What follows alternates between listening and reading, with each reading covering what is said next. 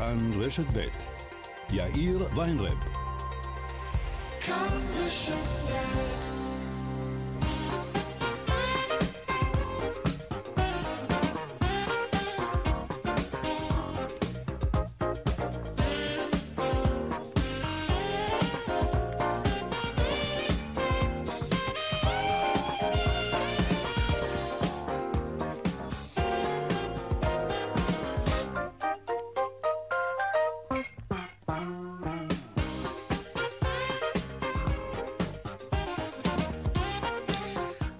ועוד uh, חמש דקות, כאן צבע הכסף ברשת ב', יום שלישי. העורך רונן פולק, בהפקה היום קובי זרח. טכנאי השידור שלנו הוא אמיר שמואלי. הדואל של צבע הכסף, אתם יודעים, כסף כרוכית כאן.org.il, אני יאיר ויינרב, מעכשיו עד חמש, אנחנו מיד מתחילים.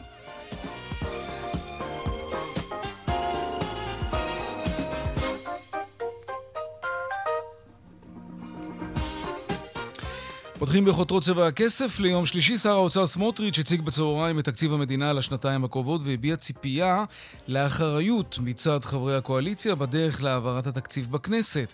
הוא הודיע שהממשלה תאריך את סבסוד הצהרונים וכי מעונות היום לא יתייקרו להורים אפילו לא בשקל אחד, אלא המדינה תספוג את זה. כך הבטיח uh, שר האוצר סמוטריץ'. מיד אנחנו נרחיב בעניין הזה. הנה נשמע קטע במסיבת העיתונאים ועוד מעט נרחיב. אני אומר שיש עכשיו סוג של טלטלה בציבוריות הישראלית, הדבר הזה משתקף גם לוקטורים מסוימים בתוך הכלכלה. אני לא רואה קטסטרופה, אני לא רואה כאוס. אני אומר לך אגב, אני נפגש באמת עם עשרות, עשרות, עשרות של בכירי המשק במדינת ישראל בכל הסקטורים. לא רק בהייטק, בסדר? בבנקאות, בשוק ההון, בתעשייה, בשירותים. אני לא רואה פה קטסטרופה. כואב לי שיש אנשים שמנסים לדחוף אותנו לקטסטרופה בכוח, יש אנשים שימחאו לעצמם כפיים אם הנבואה שלהם תגשים את עצמה. אני חד משמעית לוקח על זה אחריות. את עיקר האחריות אני לוקח בתפקיד שלי כשר אוצר בניהול מקצועי של כלכלת מדינת ישראל. עוד מעט אנחנו נרחיב אה, במסיבת העיתונאים, דנה ארקצי תעדכן, ועוד בצבע הכסף בהמשך, מבקר המדינה מפרסם כעת דוח ביקורת מיוחד בנושא ביטחון. על גדר ההפרדה, המבקר מתריע על ליקויים של ממש במכשול קו התפר, הפקירו את המכשול שעלה מיליארדים, כך הוא קובע בדוח מיוחד שהוא מפרסם. הנה מה שהוא אומר. מהדוח עולה כי הפקירו את המכשול שעלה מיליארדים. המשילות עבדה. הסכנה לאזרחי ישראל גדלה. ב-2021 נכנסו דרך הפרצות 1.4 מיליון שב"חים, וגם כיום עדיין נכנסים 6,000 מדי יום. צה"ל החליט על דעת עצמו לא לתקן פרצות מ-2017, ראש הממשלה והקבינט ידעו על המחדל. עוד מעט אנחנו נרחיב אה, בדוח המיוחד הזה על מערכת הביטחון שמפרסם אה, מבקר המדינה מתניהו אנגלמן, בשעה זו ממש כאמור. ועוד בצבע הכסף על אה, חודש ינואר השחור בענף המלונאות, ירידה של 26% בלינות התיירים לעומת ינואר 2019. כלומר, ההשוואה היא ללפני הקורונה. ידענו שייקח הרבה זמן להתאושש מהמגפה, אבל לא עוד כדי כך כנראה. המלונאים חוששים שביטול הפטור ממע"מ לתיירים יוביל לירידה נוספת במספר התיירים שמגיעים לארץ. הם פשוט ילכו למדינות אחרות. הם אומרים, גם ככה יקר להם בישראל. ועוד בצבע הכסף, האם בקרוב בינה מלאכותית תקבע מי יפוטר ומי לא? נדבר גם על זה, והעדכון בשוקי הכספים כרגיל לקראת סוף השעה. אלה הכותרות, כאן צבע הכסף. אנחנו מיד ממשיכים.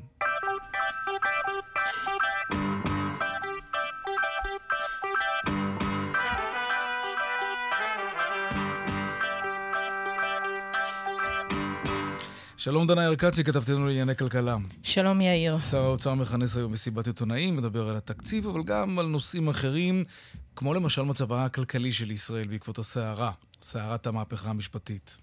נכון, אז בוא נגיד ששר האוצר אה, הבין אחרי סוף השבוע הזה, שהיה רווי בהרבה שאלות על איך נראה התקציב, והאם ההסכמים הקואליציוניים מתכנסים לתקרת אה, ההוצאה, היה חייב לקיים את אה, מסיבת העיתונאים הזאת, אז הוא מדבר על כך שההסכמים הקואליציוניים הוארכו בעשרות מיליארד שקלים, בעשרות מיליארדי שקלים, אבל בכל זאת הצלחנו להתכנס ולשמור על מסגרת תקציבית. עדיין הוא לא הסכים לפרט את הסכומים שמתכנסים לנושא הזה של ההסכמים הקואליציוניים, אבל עולים כמה כותרות על אה, דברים שעדיין לא הבנו אה, מהם מה זה אומר, כמו למשל סוף סוף נותנים תשובה אה, בנושא סבסוד מעונות היום, הרי אה, שר האוצר חתם על התייקרות בנושא מעונות היום, אבל מצד שני מדברים על חינוך חינם, אז איפה זה עומד?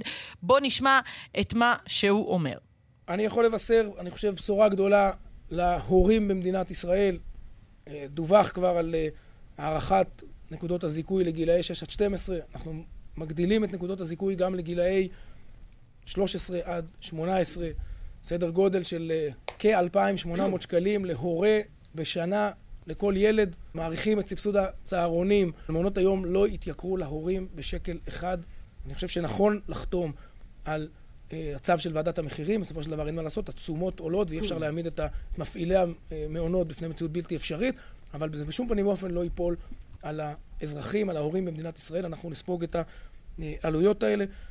כן, אז מעונות היום, ההתייקרות, המדינה אה, תספוג את זה, גם מדבר על נקודות הזכות. הם מעריכים את אה, אה, הנושא הזה של נקודות הזכות מ-6 עד 12. זה, למרות שזה צפוי אה, לפוג השנה, אה, מעריכים את זה עד סוף השנה, ובמקביל הם עובדים על הארכת נקודות הזכות גם לגילי 13 עד 18, ובנוסף הוא גם נשאל על ההשלכות של הרפורמה המשפטית, האם הוא לא חושש והאם הוא האחראי.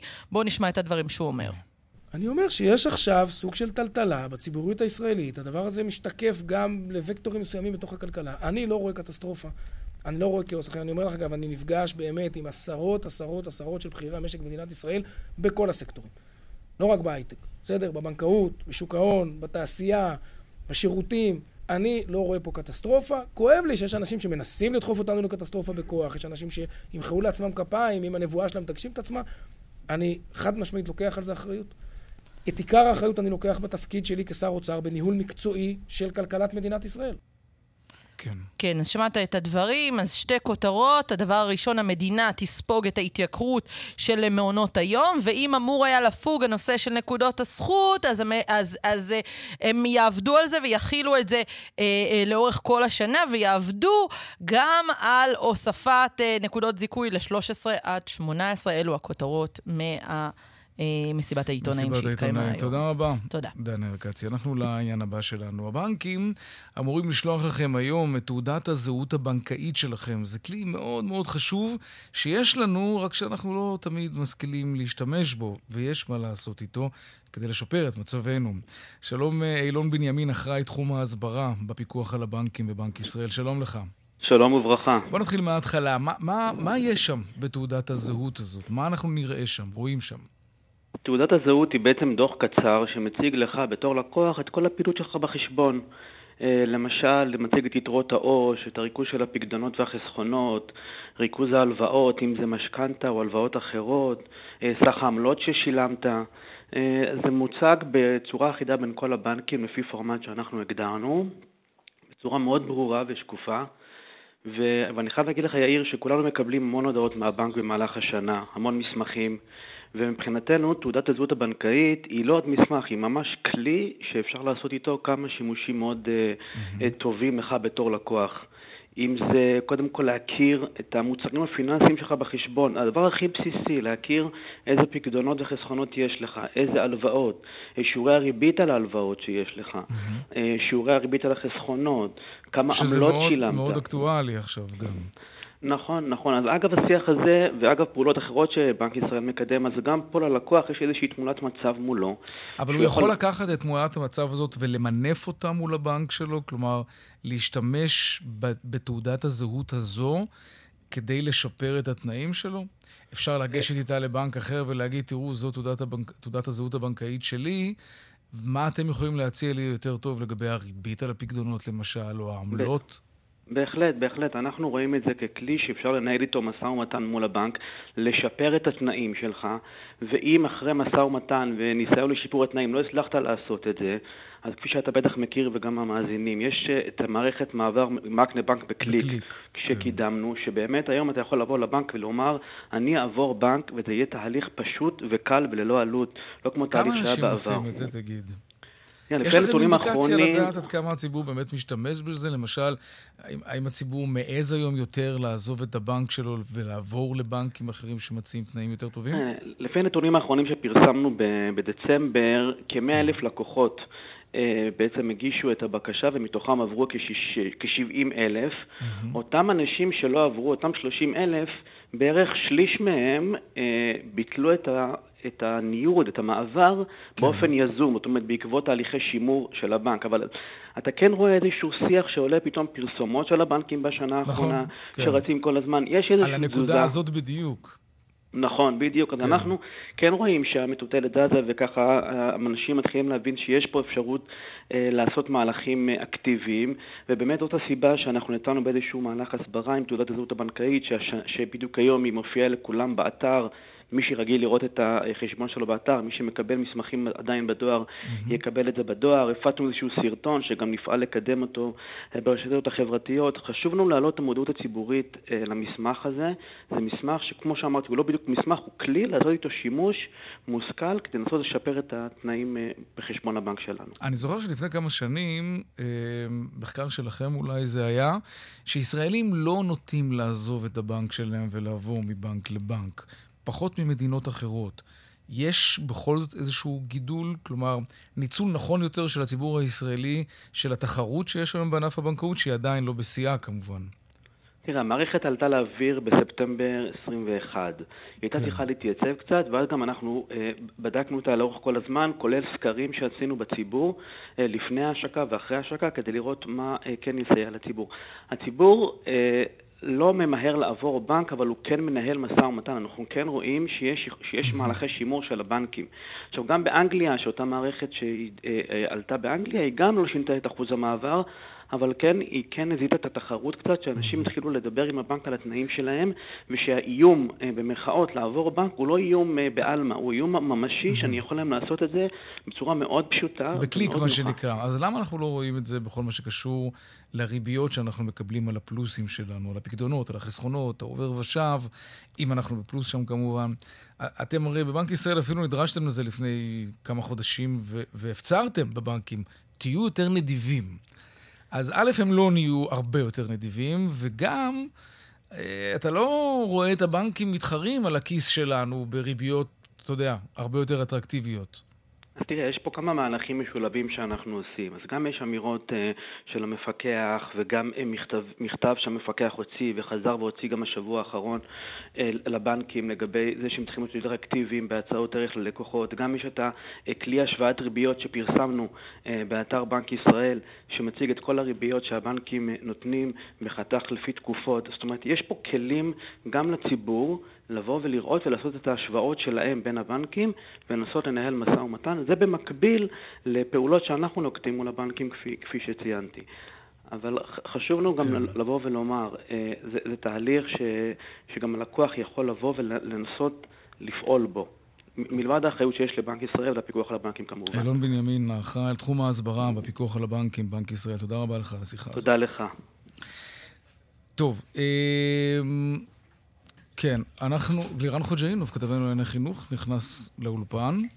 כדי לדבר איתנו על דברים קצת שונים ששמענו, לא, כלומר, נעשה את זה ככה, סמוטריץ' אמר, מעונות היום לא יתייקרו, אבל שר החינוך קיש אומר, המעונות לא יעלו בכלל. תעשה אז, לנו סדר. אז בואו ננסה באמת לעשות סדר. אנחנו מדברים קודם כל, לדעתי שר אה, האוצר אה, סמוטריץ' דיבר בהתחלה על עניין מעונות היום בנושא אה, העלאת אה, המחירים שהובטחה, הוא חתם מה שנקרא על הצו של ועדת המחירים, שביקשו מעונות היום להעלות את המחירים. מה שאמר סמו, אה, אה, סמוטריץ' היה אנחנו, המדינה, נספוג לעצמנו את ההעלאה הזאת. אני אזכיר לך, במעונות היום יש מגיל ארבעה חודשים עד גיל שלוש. עדיין נמצאים שם מורים והם גם משלמים איזשהו כסף. הוא אומר, המדינה תספוג את ההעלאה הזאת. מהצד השני, מבטיח קיש כבר בשנת הלימודים הבאה, כלומר בספטמבר הקרוב, כן. שכל מעונות היום, אבל רק לשכבת הגיל של בני השנתיים, תהיה חינם. כלומר, זו כבר ההצהרה שלו, חלק מאותו חינוך חינם שהיה בהבטחת הבחירות ועבר בתקציב בתקציב המדינה. לא קצת מוזר שסמוטריץ' לא הזכיר את זה גם, כי קיש יכול להבטיח את זה עד מחרתיים, אם האוצר לא ייתן את הכסף, זה לא יקרה. אנחנו יודעים שכן בתקציב המדינה ניתן לזה כסף. מה שסמוטריץ' אמר לפחות בעניין הזה של כן. החינוך חינם או מוזל, הוא אמר, אנחנו עדיין לא יודעים איך זה יקרה, מה שסותר מאוד את מה שאומר אה, שר החינוך קיש, כן. בוועדה של עמיתנו, ועדת החינוך של מתחייב ערוץ שם 14. ממש, כן. ממש מתחייב, וגם אומר איך זה יעבוד. הוא אומר, חינוך חינם לכל שכבת הגיל של בני השנתיים במעונות היום, מה שאנחנו מכירים. אגב, אפשר לדבר הרבה על איך, איך זה יעבוד, כי כבר היום אין שם מטפלות, לא בוויצו ולא בנעמת, מחסור אדיר, רשימת ביקושים שלא נגמרת על גן של אה, אה, 80 מקומות, יש אה, 400 ברשימת המתנה, אה, וגנים שנסגרים כי אין כוח אדם. ו... שם, בוא נגיד לגבי שאר הגנים, הגנים הפרטיים, הרי במעונות היום נמצאים בסך הכל 25% משכבת הגיל. הרוב נמצאים בגנים הפרטיים, מה יהיה איתם? הוא מדבר על ואוצ'ר שייתנו לא להורים לגנים, mm-hmm. שיעמדו באיזשהו, אמ, איזשהם תנאים מסוימים שמשרד החינוך יקבע אותם, תנאים אה, בסיסיים, ואם הם יעמדו בתנאים, הם יקבלו ואוצ'ר מהמדינה, וזה יממן בעצם את אותם ילדים בני שנתיים. איך זה יעבוד? מתי? כמה? למה? נקים ועדה. אה. עכשיו במשרד החינוך יבחנו את זה, כן. וננסה להקים ועדה. אנחנו אוהבים אנחנו ועדות. כן, אני כן יודע לספר שלפחות בלשכת שר החינוך מבטיחים מיליארד שקלים מימון בשנה הראשונה לפחות. זה מצד אחד לא מעט כסף, מצד שני ברור לך שזה לא מספיק, וזה לא יכסה את העלויות, וגם בגנים הפרטיים יש היום ביקוש אדיר, והורים שמחפשים גנים אה, אה, בסביבה שלהם. אני מאוד מתקשה לראות איך זה באמת יעבוד. אז יש לנו מצד אחד את סמוטריץ' שאומר, אנחנו עדיין לא סגורים על זה. קיש היום שמצהיר שהוא מר, מראה מה הכוונות הברורות, אה, ולצערי, גם אני וגם לא מעט הורים נשארו עם יותר סימני שאלה מאשר תשובות. גם היום. לירן חג'יינוב, כתבנו לענייני חינוך, תודה רבה. תודה. טוב, עכשיו אנחנו לדוח מבקר המדינה שמתפרסם לפני uh, זמן קצר. בין היתר, מוצא מבקר המדינה מתניהו אנגלמן ליקויים של ממש במכשול קו התפר. קרוב למחצית מאורך הגדר הייתה לא כשירה או בכשירות חלקית, שזה, שזה נורא לשמוע את זה בכלל, ובטח בתקופה כזאת של הסלמה ביטחונית. שלום לאיתן דהן, מנהל החטיבה הביטחונית במשרד מבקר המדינה. שלום ואחר הצהריים טובים. מה גיליתם בדיוק שם, כשאתם בודקים אה, את גדר ההפרדה? צריך להגיד בתחילה שב-2001 מקבלת אה, מדינת ישראל, אה, הממשלה מקבלת החלטה על בניית כן. קו התפר לאור הפיגועים שאנחנו מכירים שנעשתה באותה תקופה.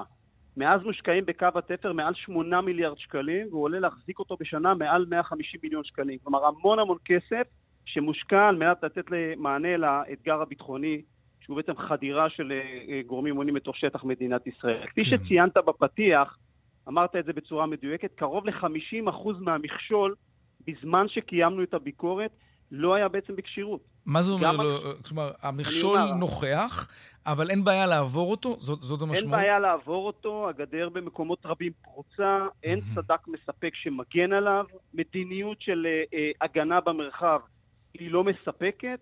כל הדברים האלה ביחד גורמים לפגיעה קשה במשילות במרחב קו התפר, ויכולנו לראות תמונות גם בטלוויזיה, גם במקומות אחרים, רואים סרטונים פשוט של נחילי אנשים נכון. שבעצם עוברים מהשטח הפלסטיני לתוך שטח מדינת ישראל. וכשאתם פונים למערכת הביטחון ושואלים אותם, חברים, למה המצב הוא כזה פרוץ? אני מניח שלא הפתעתם אותם, הם- בוודאי ידעו שהגדר הזאת מלאה בחורים.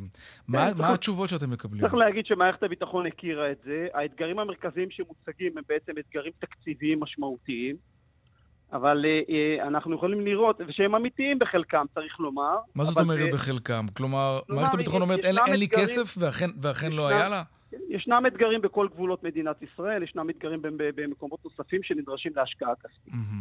לצד זה צריך להגיד שאנחנו רואים שבמרץ-מאי, אה, אה, שמתקיימים לצערי הפיגועים האחרונים שבהם נרצחים 11 ישראלים, אנחנו רואים בעצם שרק אז מתקיים דיון משמעותי בתוך הקבינט, שמה שלא התקיים לאורך שנים. כלומר, צה"ל הציג את הבעיה, הציגו נוספים את הבעיה, הקבינט לא קיבל החלטות בעניין הזה עד אפריל 2022.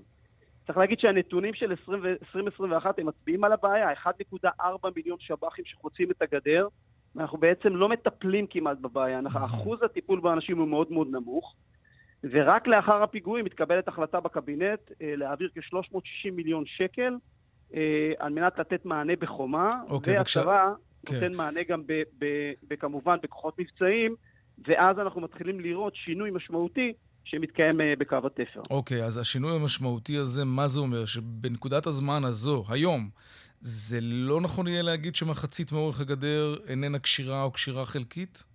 אני לפני מספר חודשים קיימתי אה, סיור על מכשור אה, קו התפר, בעיקר בחלקו הצפוני. Mm-hmm. א', אנחנו רואים שינוי משמעותי. כלומר, תוקנו חלק מהפערים, צריך להגיד שלא כולם תוקנו במכשול ממוסד ומסודר, חלקם תוקנו על ידי אה, גדר טלטלית, חלקם על ידי מענה יותר מסודר, וחלקם ניתן להם מענה מבצעי.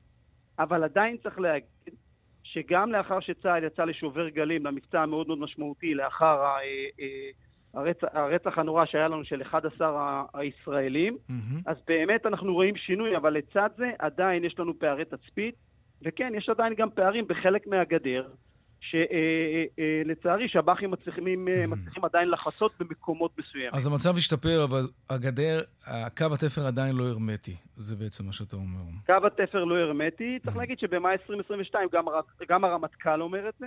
כן, והוא מציין אוקיי. שיש אה, אלפי, אה, אלפי שב"חים שבעצם חוצים. טוב, אנחנו, המלצ... אנחנו רוצים להספיק... במילה אחת רק על ההמלצה, כן. אנחנו כיוונו לתוכנית לאומית שלדעתנו צריכה להיות מובלת על ידי המל"ל, עם חיבור בין-משרדי, כדי באמת לתת מענה יציב, חזק, כסף, לאורך שנים. בעיקר כסף, כן. לגמרי. טוב, אנחנו רוצים עוד להספיק לדבר איתך גם על הרעיון לבנות uh, שכונות uh, ופרויקטים של נדל"ן על שטחים שהיו בעבר בסיסים של צה"ל. Uh, אנחנו מבינים מהדוח שאתם מפרסמים היום שהרעיון הזה התקדם לא מעט בשנים האחרונות, וחלק מהבסיסים כמו שדה דוב וסירקין פונו. אבל לא, לא בנו דירות כמו שאפשר היה לבנות. זאת, זאת המסקנה שלכם, נכון? זה, זה, זה אחת המסקנות, אבל אני רוצה רק להגיד, תראה, מדובר פה בתוכנית אסטרטגית להעתקת מחנות צה"ל, וכמו שאמרת, שיווק קרוב לכ-70 אלף יחידות דיור. זה בעצם אבל משימה... המוטיבציה הייתה, הייתה כלכ... רק כדי להבין, הייתה מוטיבציה כלכלית, נכון? כדי לפנות יש... שטחי נדל"ן במרכז הארץ, אז... באזורי הביקוש. אז בדיוק, יש פה בעצם שני גורמים משמעותיים בתוך התוכנית האסטרטגית הזו. אחד, כן. לאפשר לצה"ל להתעצם במחנות חדשים, ולאפשר לתוכנית הלאומית של דיור, ואנחנו מכירים את אתגרי הדיור, יותר בעצם יחידות דיור לשיווק, על מנת לאפשר ל- ל- ל- לכל אזרח במדינת ישראל, או למי שיוכל בעצם, אה, אוקיי. רכישת אה, אז דירה במחירים סבירים. אתם בודקים את העניין הזה. למה זה כל כך איטי? מה מפריע לפרויקטים האלה אז... להתרומם? כן, אז אנחנו, אנחנו בדקנו את התוכנית הזו וראינו בעצם שמכל המספרים שאמרתי לך, קרוב ל-70 אלף בפועל, משווקות רק 11,000 יחידות דיור ונבנות רק כ-6,800. רגע, להבין, בעצם... השטחים שפונו, יש, יש אפשרות לבנות שם כ-70 אלף יחידות דיור? אם כל התוכנית במלואה תבוא לידי ביטוי, כן. 70 אלף יחידות דיור. ונכון להיום, אחרי כמה שנים? מתוכם, מאז שווקה, ב-2015 הייתה החלטה, ובעצם הסיכום היה שב-2023 התוכנית תושלם. אהה. היום אנחנו עומדים... על 11,000 יחידות דיור זה הכל מתוך כן. ה-70, מתוך הפוטנציאל. אז היום אנחנו עומדים על 11, בעצם בזמן הביקורת, על 11,000 יחידות משווקות, ורק כן. כ-6,800 שהם 10 אחוז, זה... שהן בעצם נבנות. ושאלת באמת שאלה טובה, רגע, למה זה מתקדם למה? לאט? למה? אז בעצם יש פה כמה סיבות uh, מרכזיות, אני אעבור עליהן uh, בקצרה. אחד, כן. ראשית, יש עיכובים אה, אה, בכל תהליכי הבנייה שמתרחשים, שבין שלוש לשש שנים, אני יכול לתת דוגמה למשל, אה, אופק רחב שאמור להעביר בסיסים אליו, שש שנים עיכוב, מרכז אספקה, שלוש שנים עיכוב, אז זה נושא אחד שהוא הוא, הוא גורם לנו. חלק מה... סיבה שנייה בעצם, היא יעילות בעבודה ומועילות גם של משרד הביטחון, ובכלל זה גם כוח אדם. ראינו שבחלק מהדברים נעשית העבודה בטור. במקום שישווקו את כל הפרויקטים במקביל, הם משווקים בטור. הדבר הזה בהחלט אה, יצר עיכובים. נקודה נוספת היא בקרה של גופים מרכזיים. אלה שנקבעו בעצם מראש, שאמורים לפקח שהתוכנית המשמעותית, האסטרטגית-לאומית הזאת תתממש, למשל ועדת חסמים, שלא התכנסה. כן. למשל רמ"י, שלא העביר דיווחים על אה, אה, בקרה כפי שהוא היה צריך לדווח.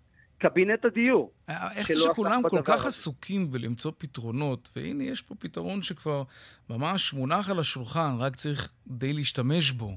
אז מה, למה הבירוקרטיה הייתה חייבת להכות דווקא במקום הזה, כשהלחמניה כבר כמעט אפויה? אני לא, לא מצליח להבין את זה. אז, אז, אז זה בדיוק מה שציינתי, בעצם הייתה תוכנית, ואני חושב שאם בעצם היו לוקחים את התוכנית הזו ומפרקים אותה, כפי שציינו בדוח, כן. גם לעבודה נכונה ובמקביל, וגם תהליכי בקרה של הגופים המרכזיים שהיו אמורים לקיים את התהליך הזה. וגם באמת לא התעסקות בדברים של בירוקרטיה. אני יכול לתת שמה, מנגנון העברת התמורות שדן בו משרד האוצר, אוקיי. okay. יצר שם עיכובים באיך רושמים את הדברים האלה, זה יצר עיכובים בכספים. איתן. והדבר הזה באמת מייצר לנו פה אה, אה, עיכובים שהתוצאה הסופית היא מה, ש, אה, מה שציינת. ואם ברשותך, אני יכול להוסיף עוד משפט וחצי. ממש משפט, כי תם זמננו, כן. אז בזריזות. רוב, ה- רוב המחנות בעצם שמועתקים לדרום הם מחנות שנותנים מענה בעיקר לתומכי הלחימה, וזה מצוין. אני חושב שצריך לתת מענה לא פחות ללוחמים בצה"ל, לבסיסים שנמצאים בדרום, שנמצאים במצב תשתיתי לא מספיק טוב. שצריך לשדרג אותם, כן. כן, אני יכול להגיד לך שבשיחה שלי עם ראש אט"ל ועם חלק מהגורמים, הדבר הזה מקבל שינוי בתוך, אה, בתוך צה"ל, והכיוון הוא כן ללכת למקום. שלא יצא מצב שהג'ובניקים מקבלים בסיסים אה, משופרים, והלוחמים... אה, אכן. טוב, לא ניכנס לזה. לא נצא מזה בסדר. טוב בכל מקרה. איתן דהן, מנהל אה, החטיבה הביטחונית במשרד מבקר המדינה, תודה רבה לך. תודה רבה לכם. להתראות. עכשיו קצת אה, דיווחי תנועה.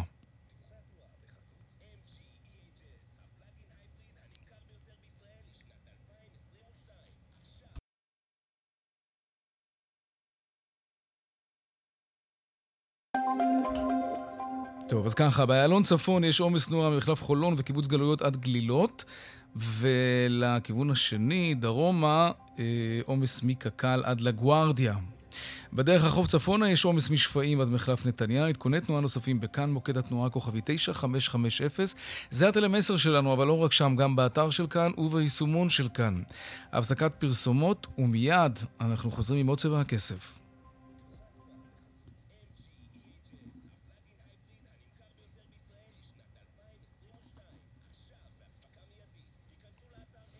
וכאן גם צבע הכסף, 4 ועוד 34 דקות. המלונאים אומרים שהשנה הנוכחית, 2023, התחילה ממש לא טוב. הם אפילו מכנים את חודש ינואר, אה, ינואר השחור, ירידה דרמטית בלינות של תיירים בהשוואה ל-2019, כלומר, לפני תקופת הקורונה. שלום אה, לליאון אביגד, הבעלים של רשת אה, בר- בראון. שלום. שתי טעויות במכה אחת. שלום. קודם כל, קודם כל, אני ליאון, ושתיים זו קולקציית מלארד בראון. אהלן. הטעות- השנייה בוודאי יותר נוראית בעיניך. האמת שזה באמת ינואר השחור. זה כן. פשוט, אה, זה... צריכים להבין, חושבים שקורונה מאחורינו. עד מאי היה לנו אומיקרון. אנחנו עדיין אה, מלקקים פצעים משנה שעברה, הרבעון האחרון של 2022 אה, היה ב-27 אחוזים פחות טוב מהרבעון מקביל ב-2019. ברבעון הראשון של 2023, או, ה- או ינואר הראשון של 2023, באותה, בא, באותו שיעור, 26 אחוז לעומת ינואר 2019. זה, זה, זה באמת, אה, קיווינו כולנו ל, ליום שאחרי הקורונה, וזה עדיין לא מגיע. תראה, כולנו, מנכ"לית, כולנו אה, באישי, באישי כולנו שכחנו כבר, מהמם. נוסעים ומטיילים ומבלים, אבל שוכחים שבתיירות, ש- ש- שליש מ- מהתיירות בכלל לא מגיע מישראל ישראלי שרוצה לבוא עם אה, אשתו לאיזה סוף שבוע staycation בפראג או באילת או בטבריה, אלא תיירות מתוכננת שנה קדימה של כנסים, אה, אה, ועדים, קבוצות גדולות, אה, טיסות ארוכות טווח ולא רק אה, משהו פה באירופה של אה, סוף שבוע, אלא אמריקאים או, או, או אה, קבוצות מאורגנות שמאורגנות אה, שנה, שנתיים ויותר לפני, כנסים וכולי. אה, כל, ה, כל המרכיבים האלה, יחד עם העובדה שמצב גיאופוליטי מאוד מאוד לא פשוט, איך שאנחנו נראים כרגע בעולם, אה, לא מאוד מזמין. כן, אבל עדיין לכל ממשלה, ובטח לממשלה שלנו, יש דברים לעשות. ואני רואה פה ציטוט של מנכ"לית התאחדות המלונות, שאומרת שאנחנו ארץ אוכלת תייריה. אתה, אתה חותם על המשפט הזה שיש בו המון ביקורת כלפי המדיניות של ממשלות ישראל בשנים האחרונות. לצערי, חד משמעית. אם תראה באופן, באופן אה, אקסוגני, דברים שלא קשורים לממשלה, אנחנו עם בעיות אה, אה, חיצוניות ששוב ושוב ושוב פוגעות בתיירות. במקום שהממשלה תבוא ותעזור, אנחנו רק פוגעים. אז אם זה בקורונה, אנחנו המדינה שעזרה הכי פחות. יש מחקרים ברורים שאנחנו החברה, ה- ה- הממשלה או המדינה שעזרה הכי פחות אה, לענף התיירות. נמשיך. אמ, גם הפיצויים שהגיעו, הגיעו בדמות של הלוואות יקרות. אמ, אנחנו עם, עם תקציב אה, שיווק שעדיין לא אושר, אושר רק עכשיו בסוף ינואר, כלומר חודש ינואר הלך, מדינת ישראל לא שיווקה את עצמה מול מתחרות שלה. אני מזכיר שקפריסין, כרתים, איים קטנים יחסית, הם הרבה פחות אטרקציות, אטרקציות מאשר אה, ישראל, אמ, עם, עם פי שתיים, שלוש וארבע אמ, אה, ופי ארבע כמות אה, תיירים לשנה. ו, ולמרות זאת, מדברים איתנו עכשיו על, אמ, על אה, הפחתת הטבת המע"מ לתיירים, כלומר ייקור, ייקור החבילות ב-17%, זה, זה חלם, כי הרי גם כך, בגלל, בגלל המבנה, המבנה הפיננסי של הכלכלי של המדינה, אנחנו עם סל, כולנו חווים את זה, עם סל בסופרמרקט שיקר הרבה יותר. מאשר אה, המדינות המתחרות שלנו. מצד שני, המטבע, זה משפיע גם על התיירות, זה לא, ש... זה לא שהמלונאים מרוויחים בארץ הרבה יותר, מאשר מלונאים כן, במדינות אחרות. השקל נחלש. רגע, רגע, כשמגיע עכשיו תייר, הוא מקבל הרבה יותר שקלים בשביל הדולרים או האירו שהוא מגיע. כלומר, כוח הקנייה שלו דווקא מתחזק. זה, זה אפילו די משתלם להגיע לא, לא אנחנו קבענו, בלומברג קבע ש, ש, שמדינת תל אביב, ואני בכוונה אומר, מדינת כן. תל אביב היא המדינה היקרה ביותר, העיר הכי יקרה בעולם. אה, מדינת ישראל היא אחת מהמדינות מה, מה, מה, היקר, היקרות ביותר בעולם. כולנו רואים את זה כשאנחנו נוסעים לחו"ל וקונים הם, הם, הם, ג'ילט, אה, קצב גילוח או, או, או כל פרט שהוא, או נוסעים לעשות שופינג, בכל המדינות ש, שמסביבנו, כולן יותר זולות מאיתנו. אה, ולכן גם, גם, גם החופשה יותר יקרה, ועכשיו היא תתייקר בעוד 17 אחוז. זה, זה פשוט חלם. תגיד, אתה, אתה, אתה מרגיש עכשיו שיש לך אתה... פחות uh, הזמנות בגלל, דיברת קודם על איך שאנחנו נתפסים בעיני העולם. חד משמעית, אנחנו מקבלים, קודם כל אנחנו רואים את זה בינואר, אנחנו רואים שסוכנים מפחדים לעשות הזמנה, כשג'ון סמית אומר לסוכן שלו, תמצא לי איזשהו אה, נופש חם. יחסית לאנגליה או, ל, או לגרמניה, כן. ואיפשהו באג, באגן הים התיכון. ו... אה, אומרים לו, בוא לקפריסין, בוא לכרתים, בוא ליוון, בוא לטורקיה, או בוא למדינת ישראל. א', איך אנחנו נראים כרגע מבחינת תקשורתית בעולם, וב', יוקר החופשה.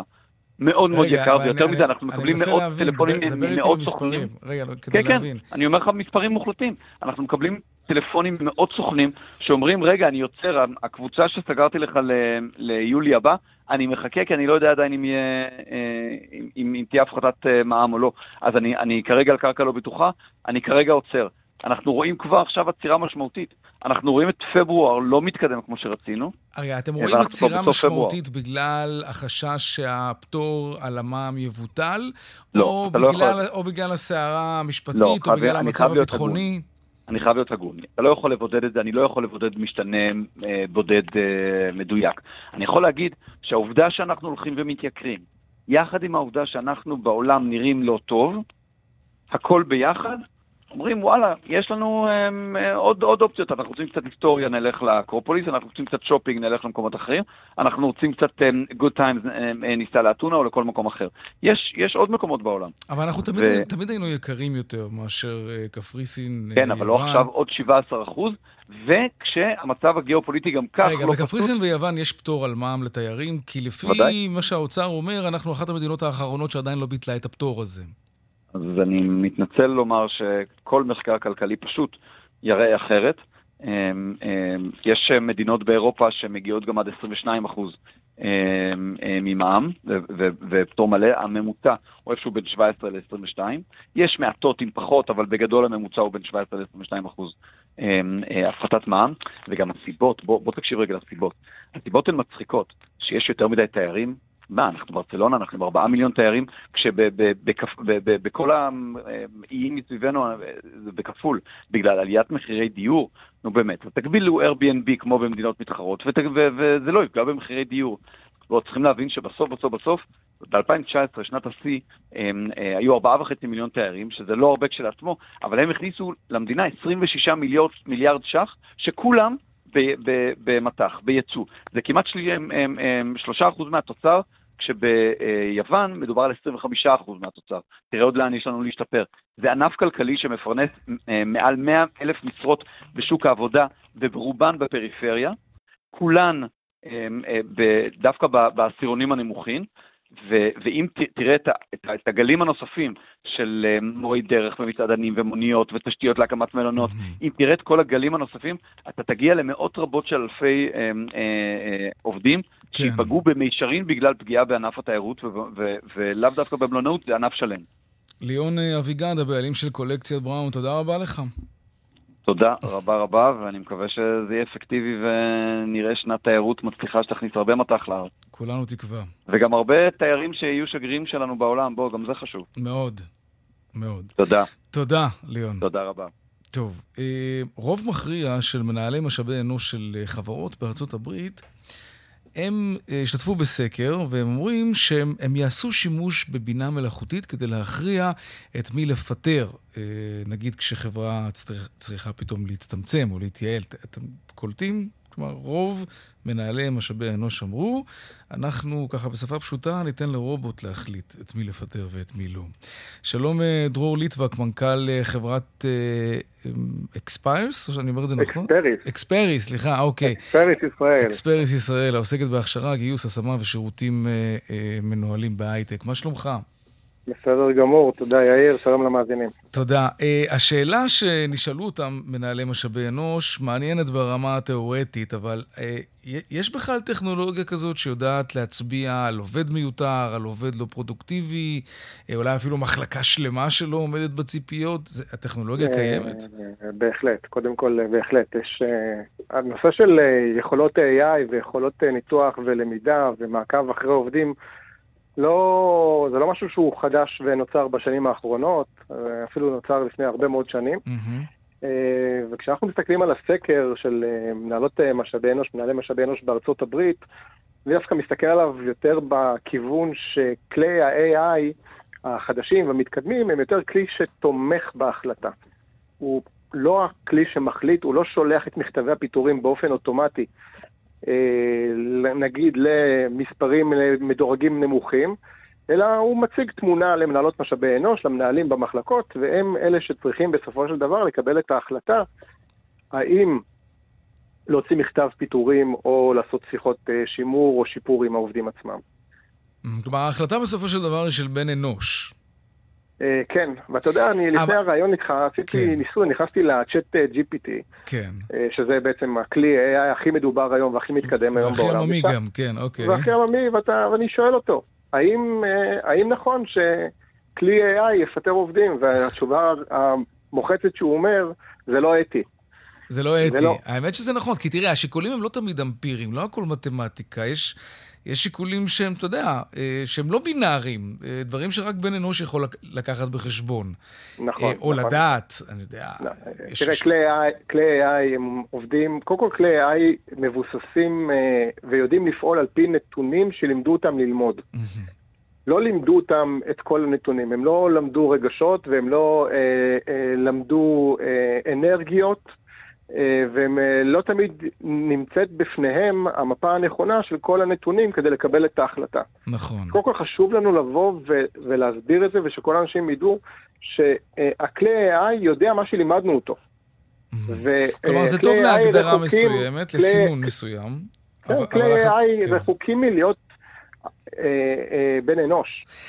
האמת שאנחנו, כשאני חושב על זה, בינה מלאכותית מעורבת בתהליכי קבלת עובדים לעבודה עד, עד שלב מסוים, ואז זה פשוט מגיע באמת לבני אדם, שהם אלו שמקבלים החלטה. אבל יש דרך לסנן באמצעות בינה מלאכותית מועמדים למשרה כזאת או אחרת. נכון, יש היום כלי AI, גם אנחנו משתמשים.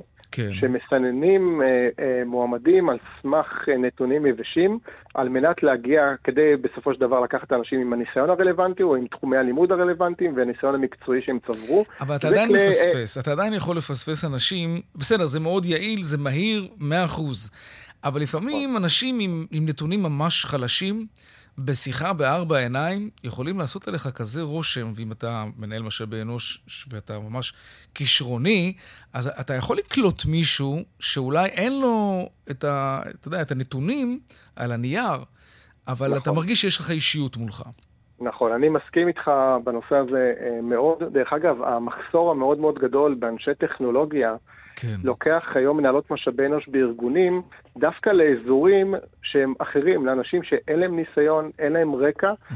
ודווקא לקחת אנשים מהמקומות האחרים ולראות ולבדוק את היכולות שלהם. איך זה עובד, את הלימוד כן. שלהם, את המוטיבציה שלהם. בסופו של דבר, כדי להתגבר על המחסור בעובדים טכנולוגיים, זו השיטה היום שעובדת, וכלי AI הם לא, לא רלוונטיים לעולמות האלה, שבהם צריך למדוד אנשים את המוטיבציות שלהם, או את היכולות והאמביציות שלהם להיכנס לעולם הטכנולוגי בעתיד. תגיד, רור, במבט כללי כזה לדבר הזה, הכניסה של ה-AI, של הבינה המלאכותית לחיים שלנו, אה, מה זה יותר, מבורך או מדאיג? או חצי-חצי? אני חושב שזה... כל האפשרויות. תראה, אני חושב שזה מבורך, אני אגיד אה, עוד פעם. כי זה ישר זורק אותך לסדרת כל- סרטי המחסל, אתה יודע. כן, אה, אבל או- תראה. או- זה- תראה, זה זה הגולם שקם על יוצרו, זה פחד זה- אלוהים. זה כמו השאלה- זה כמו השאלה, יאיר, האם האדם אה, אה, רע מנעוריו או טוב מנעוריו?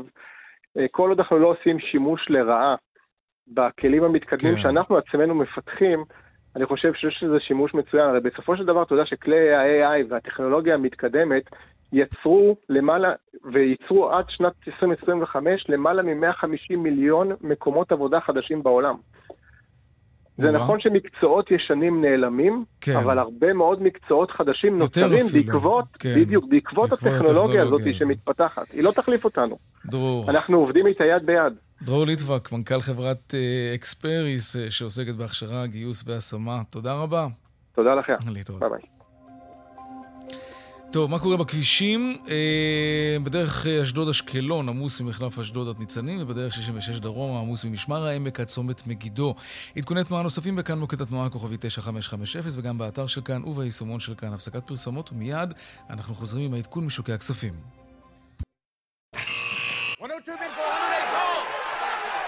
200, take them.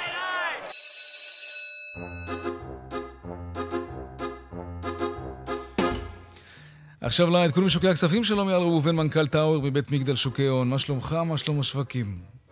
צהריים טובים, יאיר, אה, שלומנו אה, בסדר גמור, השווקים תנודתיים, ממשיכים בתנודתיות, אנחנו רואים את זה ככה אצלנו ספציפית, ימי המסחר האחרונים, אצלנו היום נפתח בירידות שערים של כשמונה עשיריות האחוז, כמעט אחוז במדדים המובילים. בהמשך היום עברנו לעליות של שש עשיריות, שבע עשיריות במדדים המובילים, ולקראת סוף היום חזרנו שוב לירידות, עכשיו אנחנו שוב קצת עולים. אנחנו מבינים שיש פה מגמה בין, אה, משמעותית בין קונים למוכרים, ומי שאנחנו רואים בצהריים למעשה, שרואים באמצע היום, פשוט מתחיל לרדת, זה בא מהמקום של פדיונות בקרנות הנאמנות. אנחנו רואים בימים האחרונים הסתה ותזוזה של הציבור בקרנות שמוכרים קרנות שמשקיעות בשוק הישראלי, מחזיקות מניות או אגרות חוב בשוק הישראלי. אנחנו רואים עליית תשואות באגרות החוב, מוכרים אגרות חוב, מוכרים מניות ומזיזים אה, אה, כספים יותר לקרנות וסקטורים בחו"ל. אז אנחנו רואים את זה כבר בשלושת ימי המסחר האחרונים, זו מגמה כבר ברורה, כמו שאומרים, והיא קשורה לכל מה שאנחנו מדברים עליו מספיק בימים האחרונים, אה, כל המהפכה המשפטית מהמם. וכולי וכולי. אז אצלנו מסחר תנודתי. בעולם, אם מסתכלים קצת החוצה, זה נתון אינפלציוני מפתיע לרעה, התפרסם היום באירופה, אה, באיטליה, בספרד, קצב האינפלציה גבוה מ-7% בקצב שנתי, נתון שהוא גבוה מהציפיות שהיה אמורים להיות ב- מעט מתחת ל-7%. זה מוריד גם את אירופה קצת היום, הדקס יורד בשתי עשיריות האחוז, הפוצי 100 בשלוש עשיריות האחוז, אה, והאירוסטוק 50 גם באזור החצי אחוז. ואם מסתכלים אה, על ארצות הברית, מסחר אה, מהוסס נפתח כרגע. אנחנו סביב שערי הסיום אה, אתמול בנסדק עם עלייה קלה מאוד, ה-S&P יורד קלות, אין כרגע שינוי משמעותי במדדים בארצות הברית. ומטח גם הוא היה תנודתי היום, היציב קצת ירד מול השקל. עכשיו, במסחר הרציף, אנחנו רואים את הדולר מתחזק מול השקל, אנחנו כבר בשערים של 3.66 דולר לשקל. אירו, אנחנו בהתחזקות של חצי אחוז עכשיו במסחר הרציף, אנחנו כבר 3.89, המטח מתחזק, זה הכל מתחבר, ל, ל, כמו שאומרים, למה שמטריד כרגע את השוק הישראלי, את הכלכלה הישראלית, הכל הא בהטליה והציפיות, ולכן המגמה. אייל ראובן, מה. תודה רבה. אייל ראובן, מנכ"ל טאוור מבית מגדל טובים הון. לכולם ובשורות טובות. תודה, גם לך.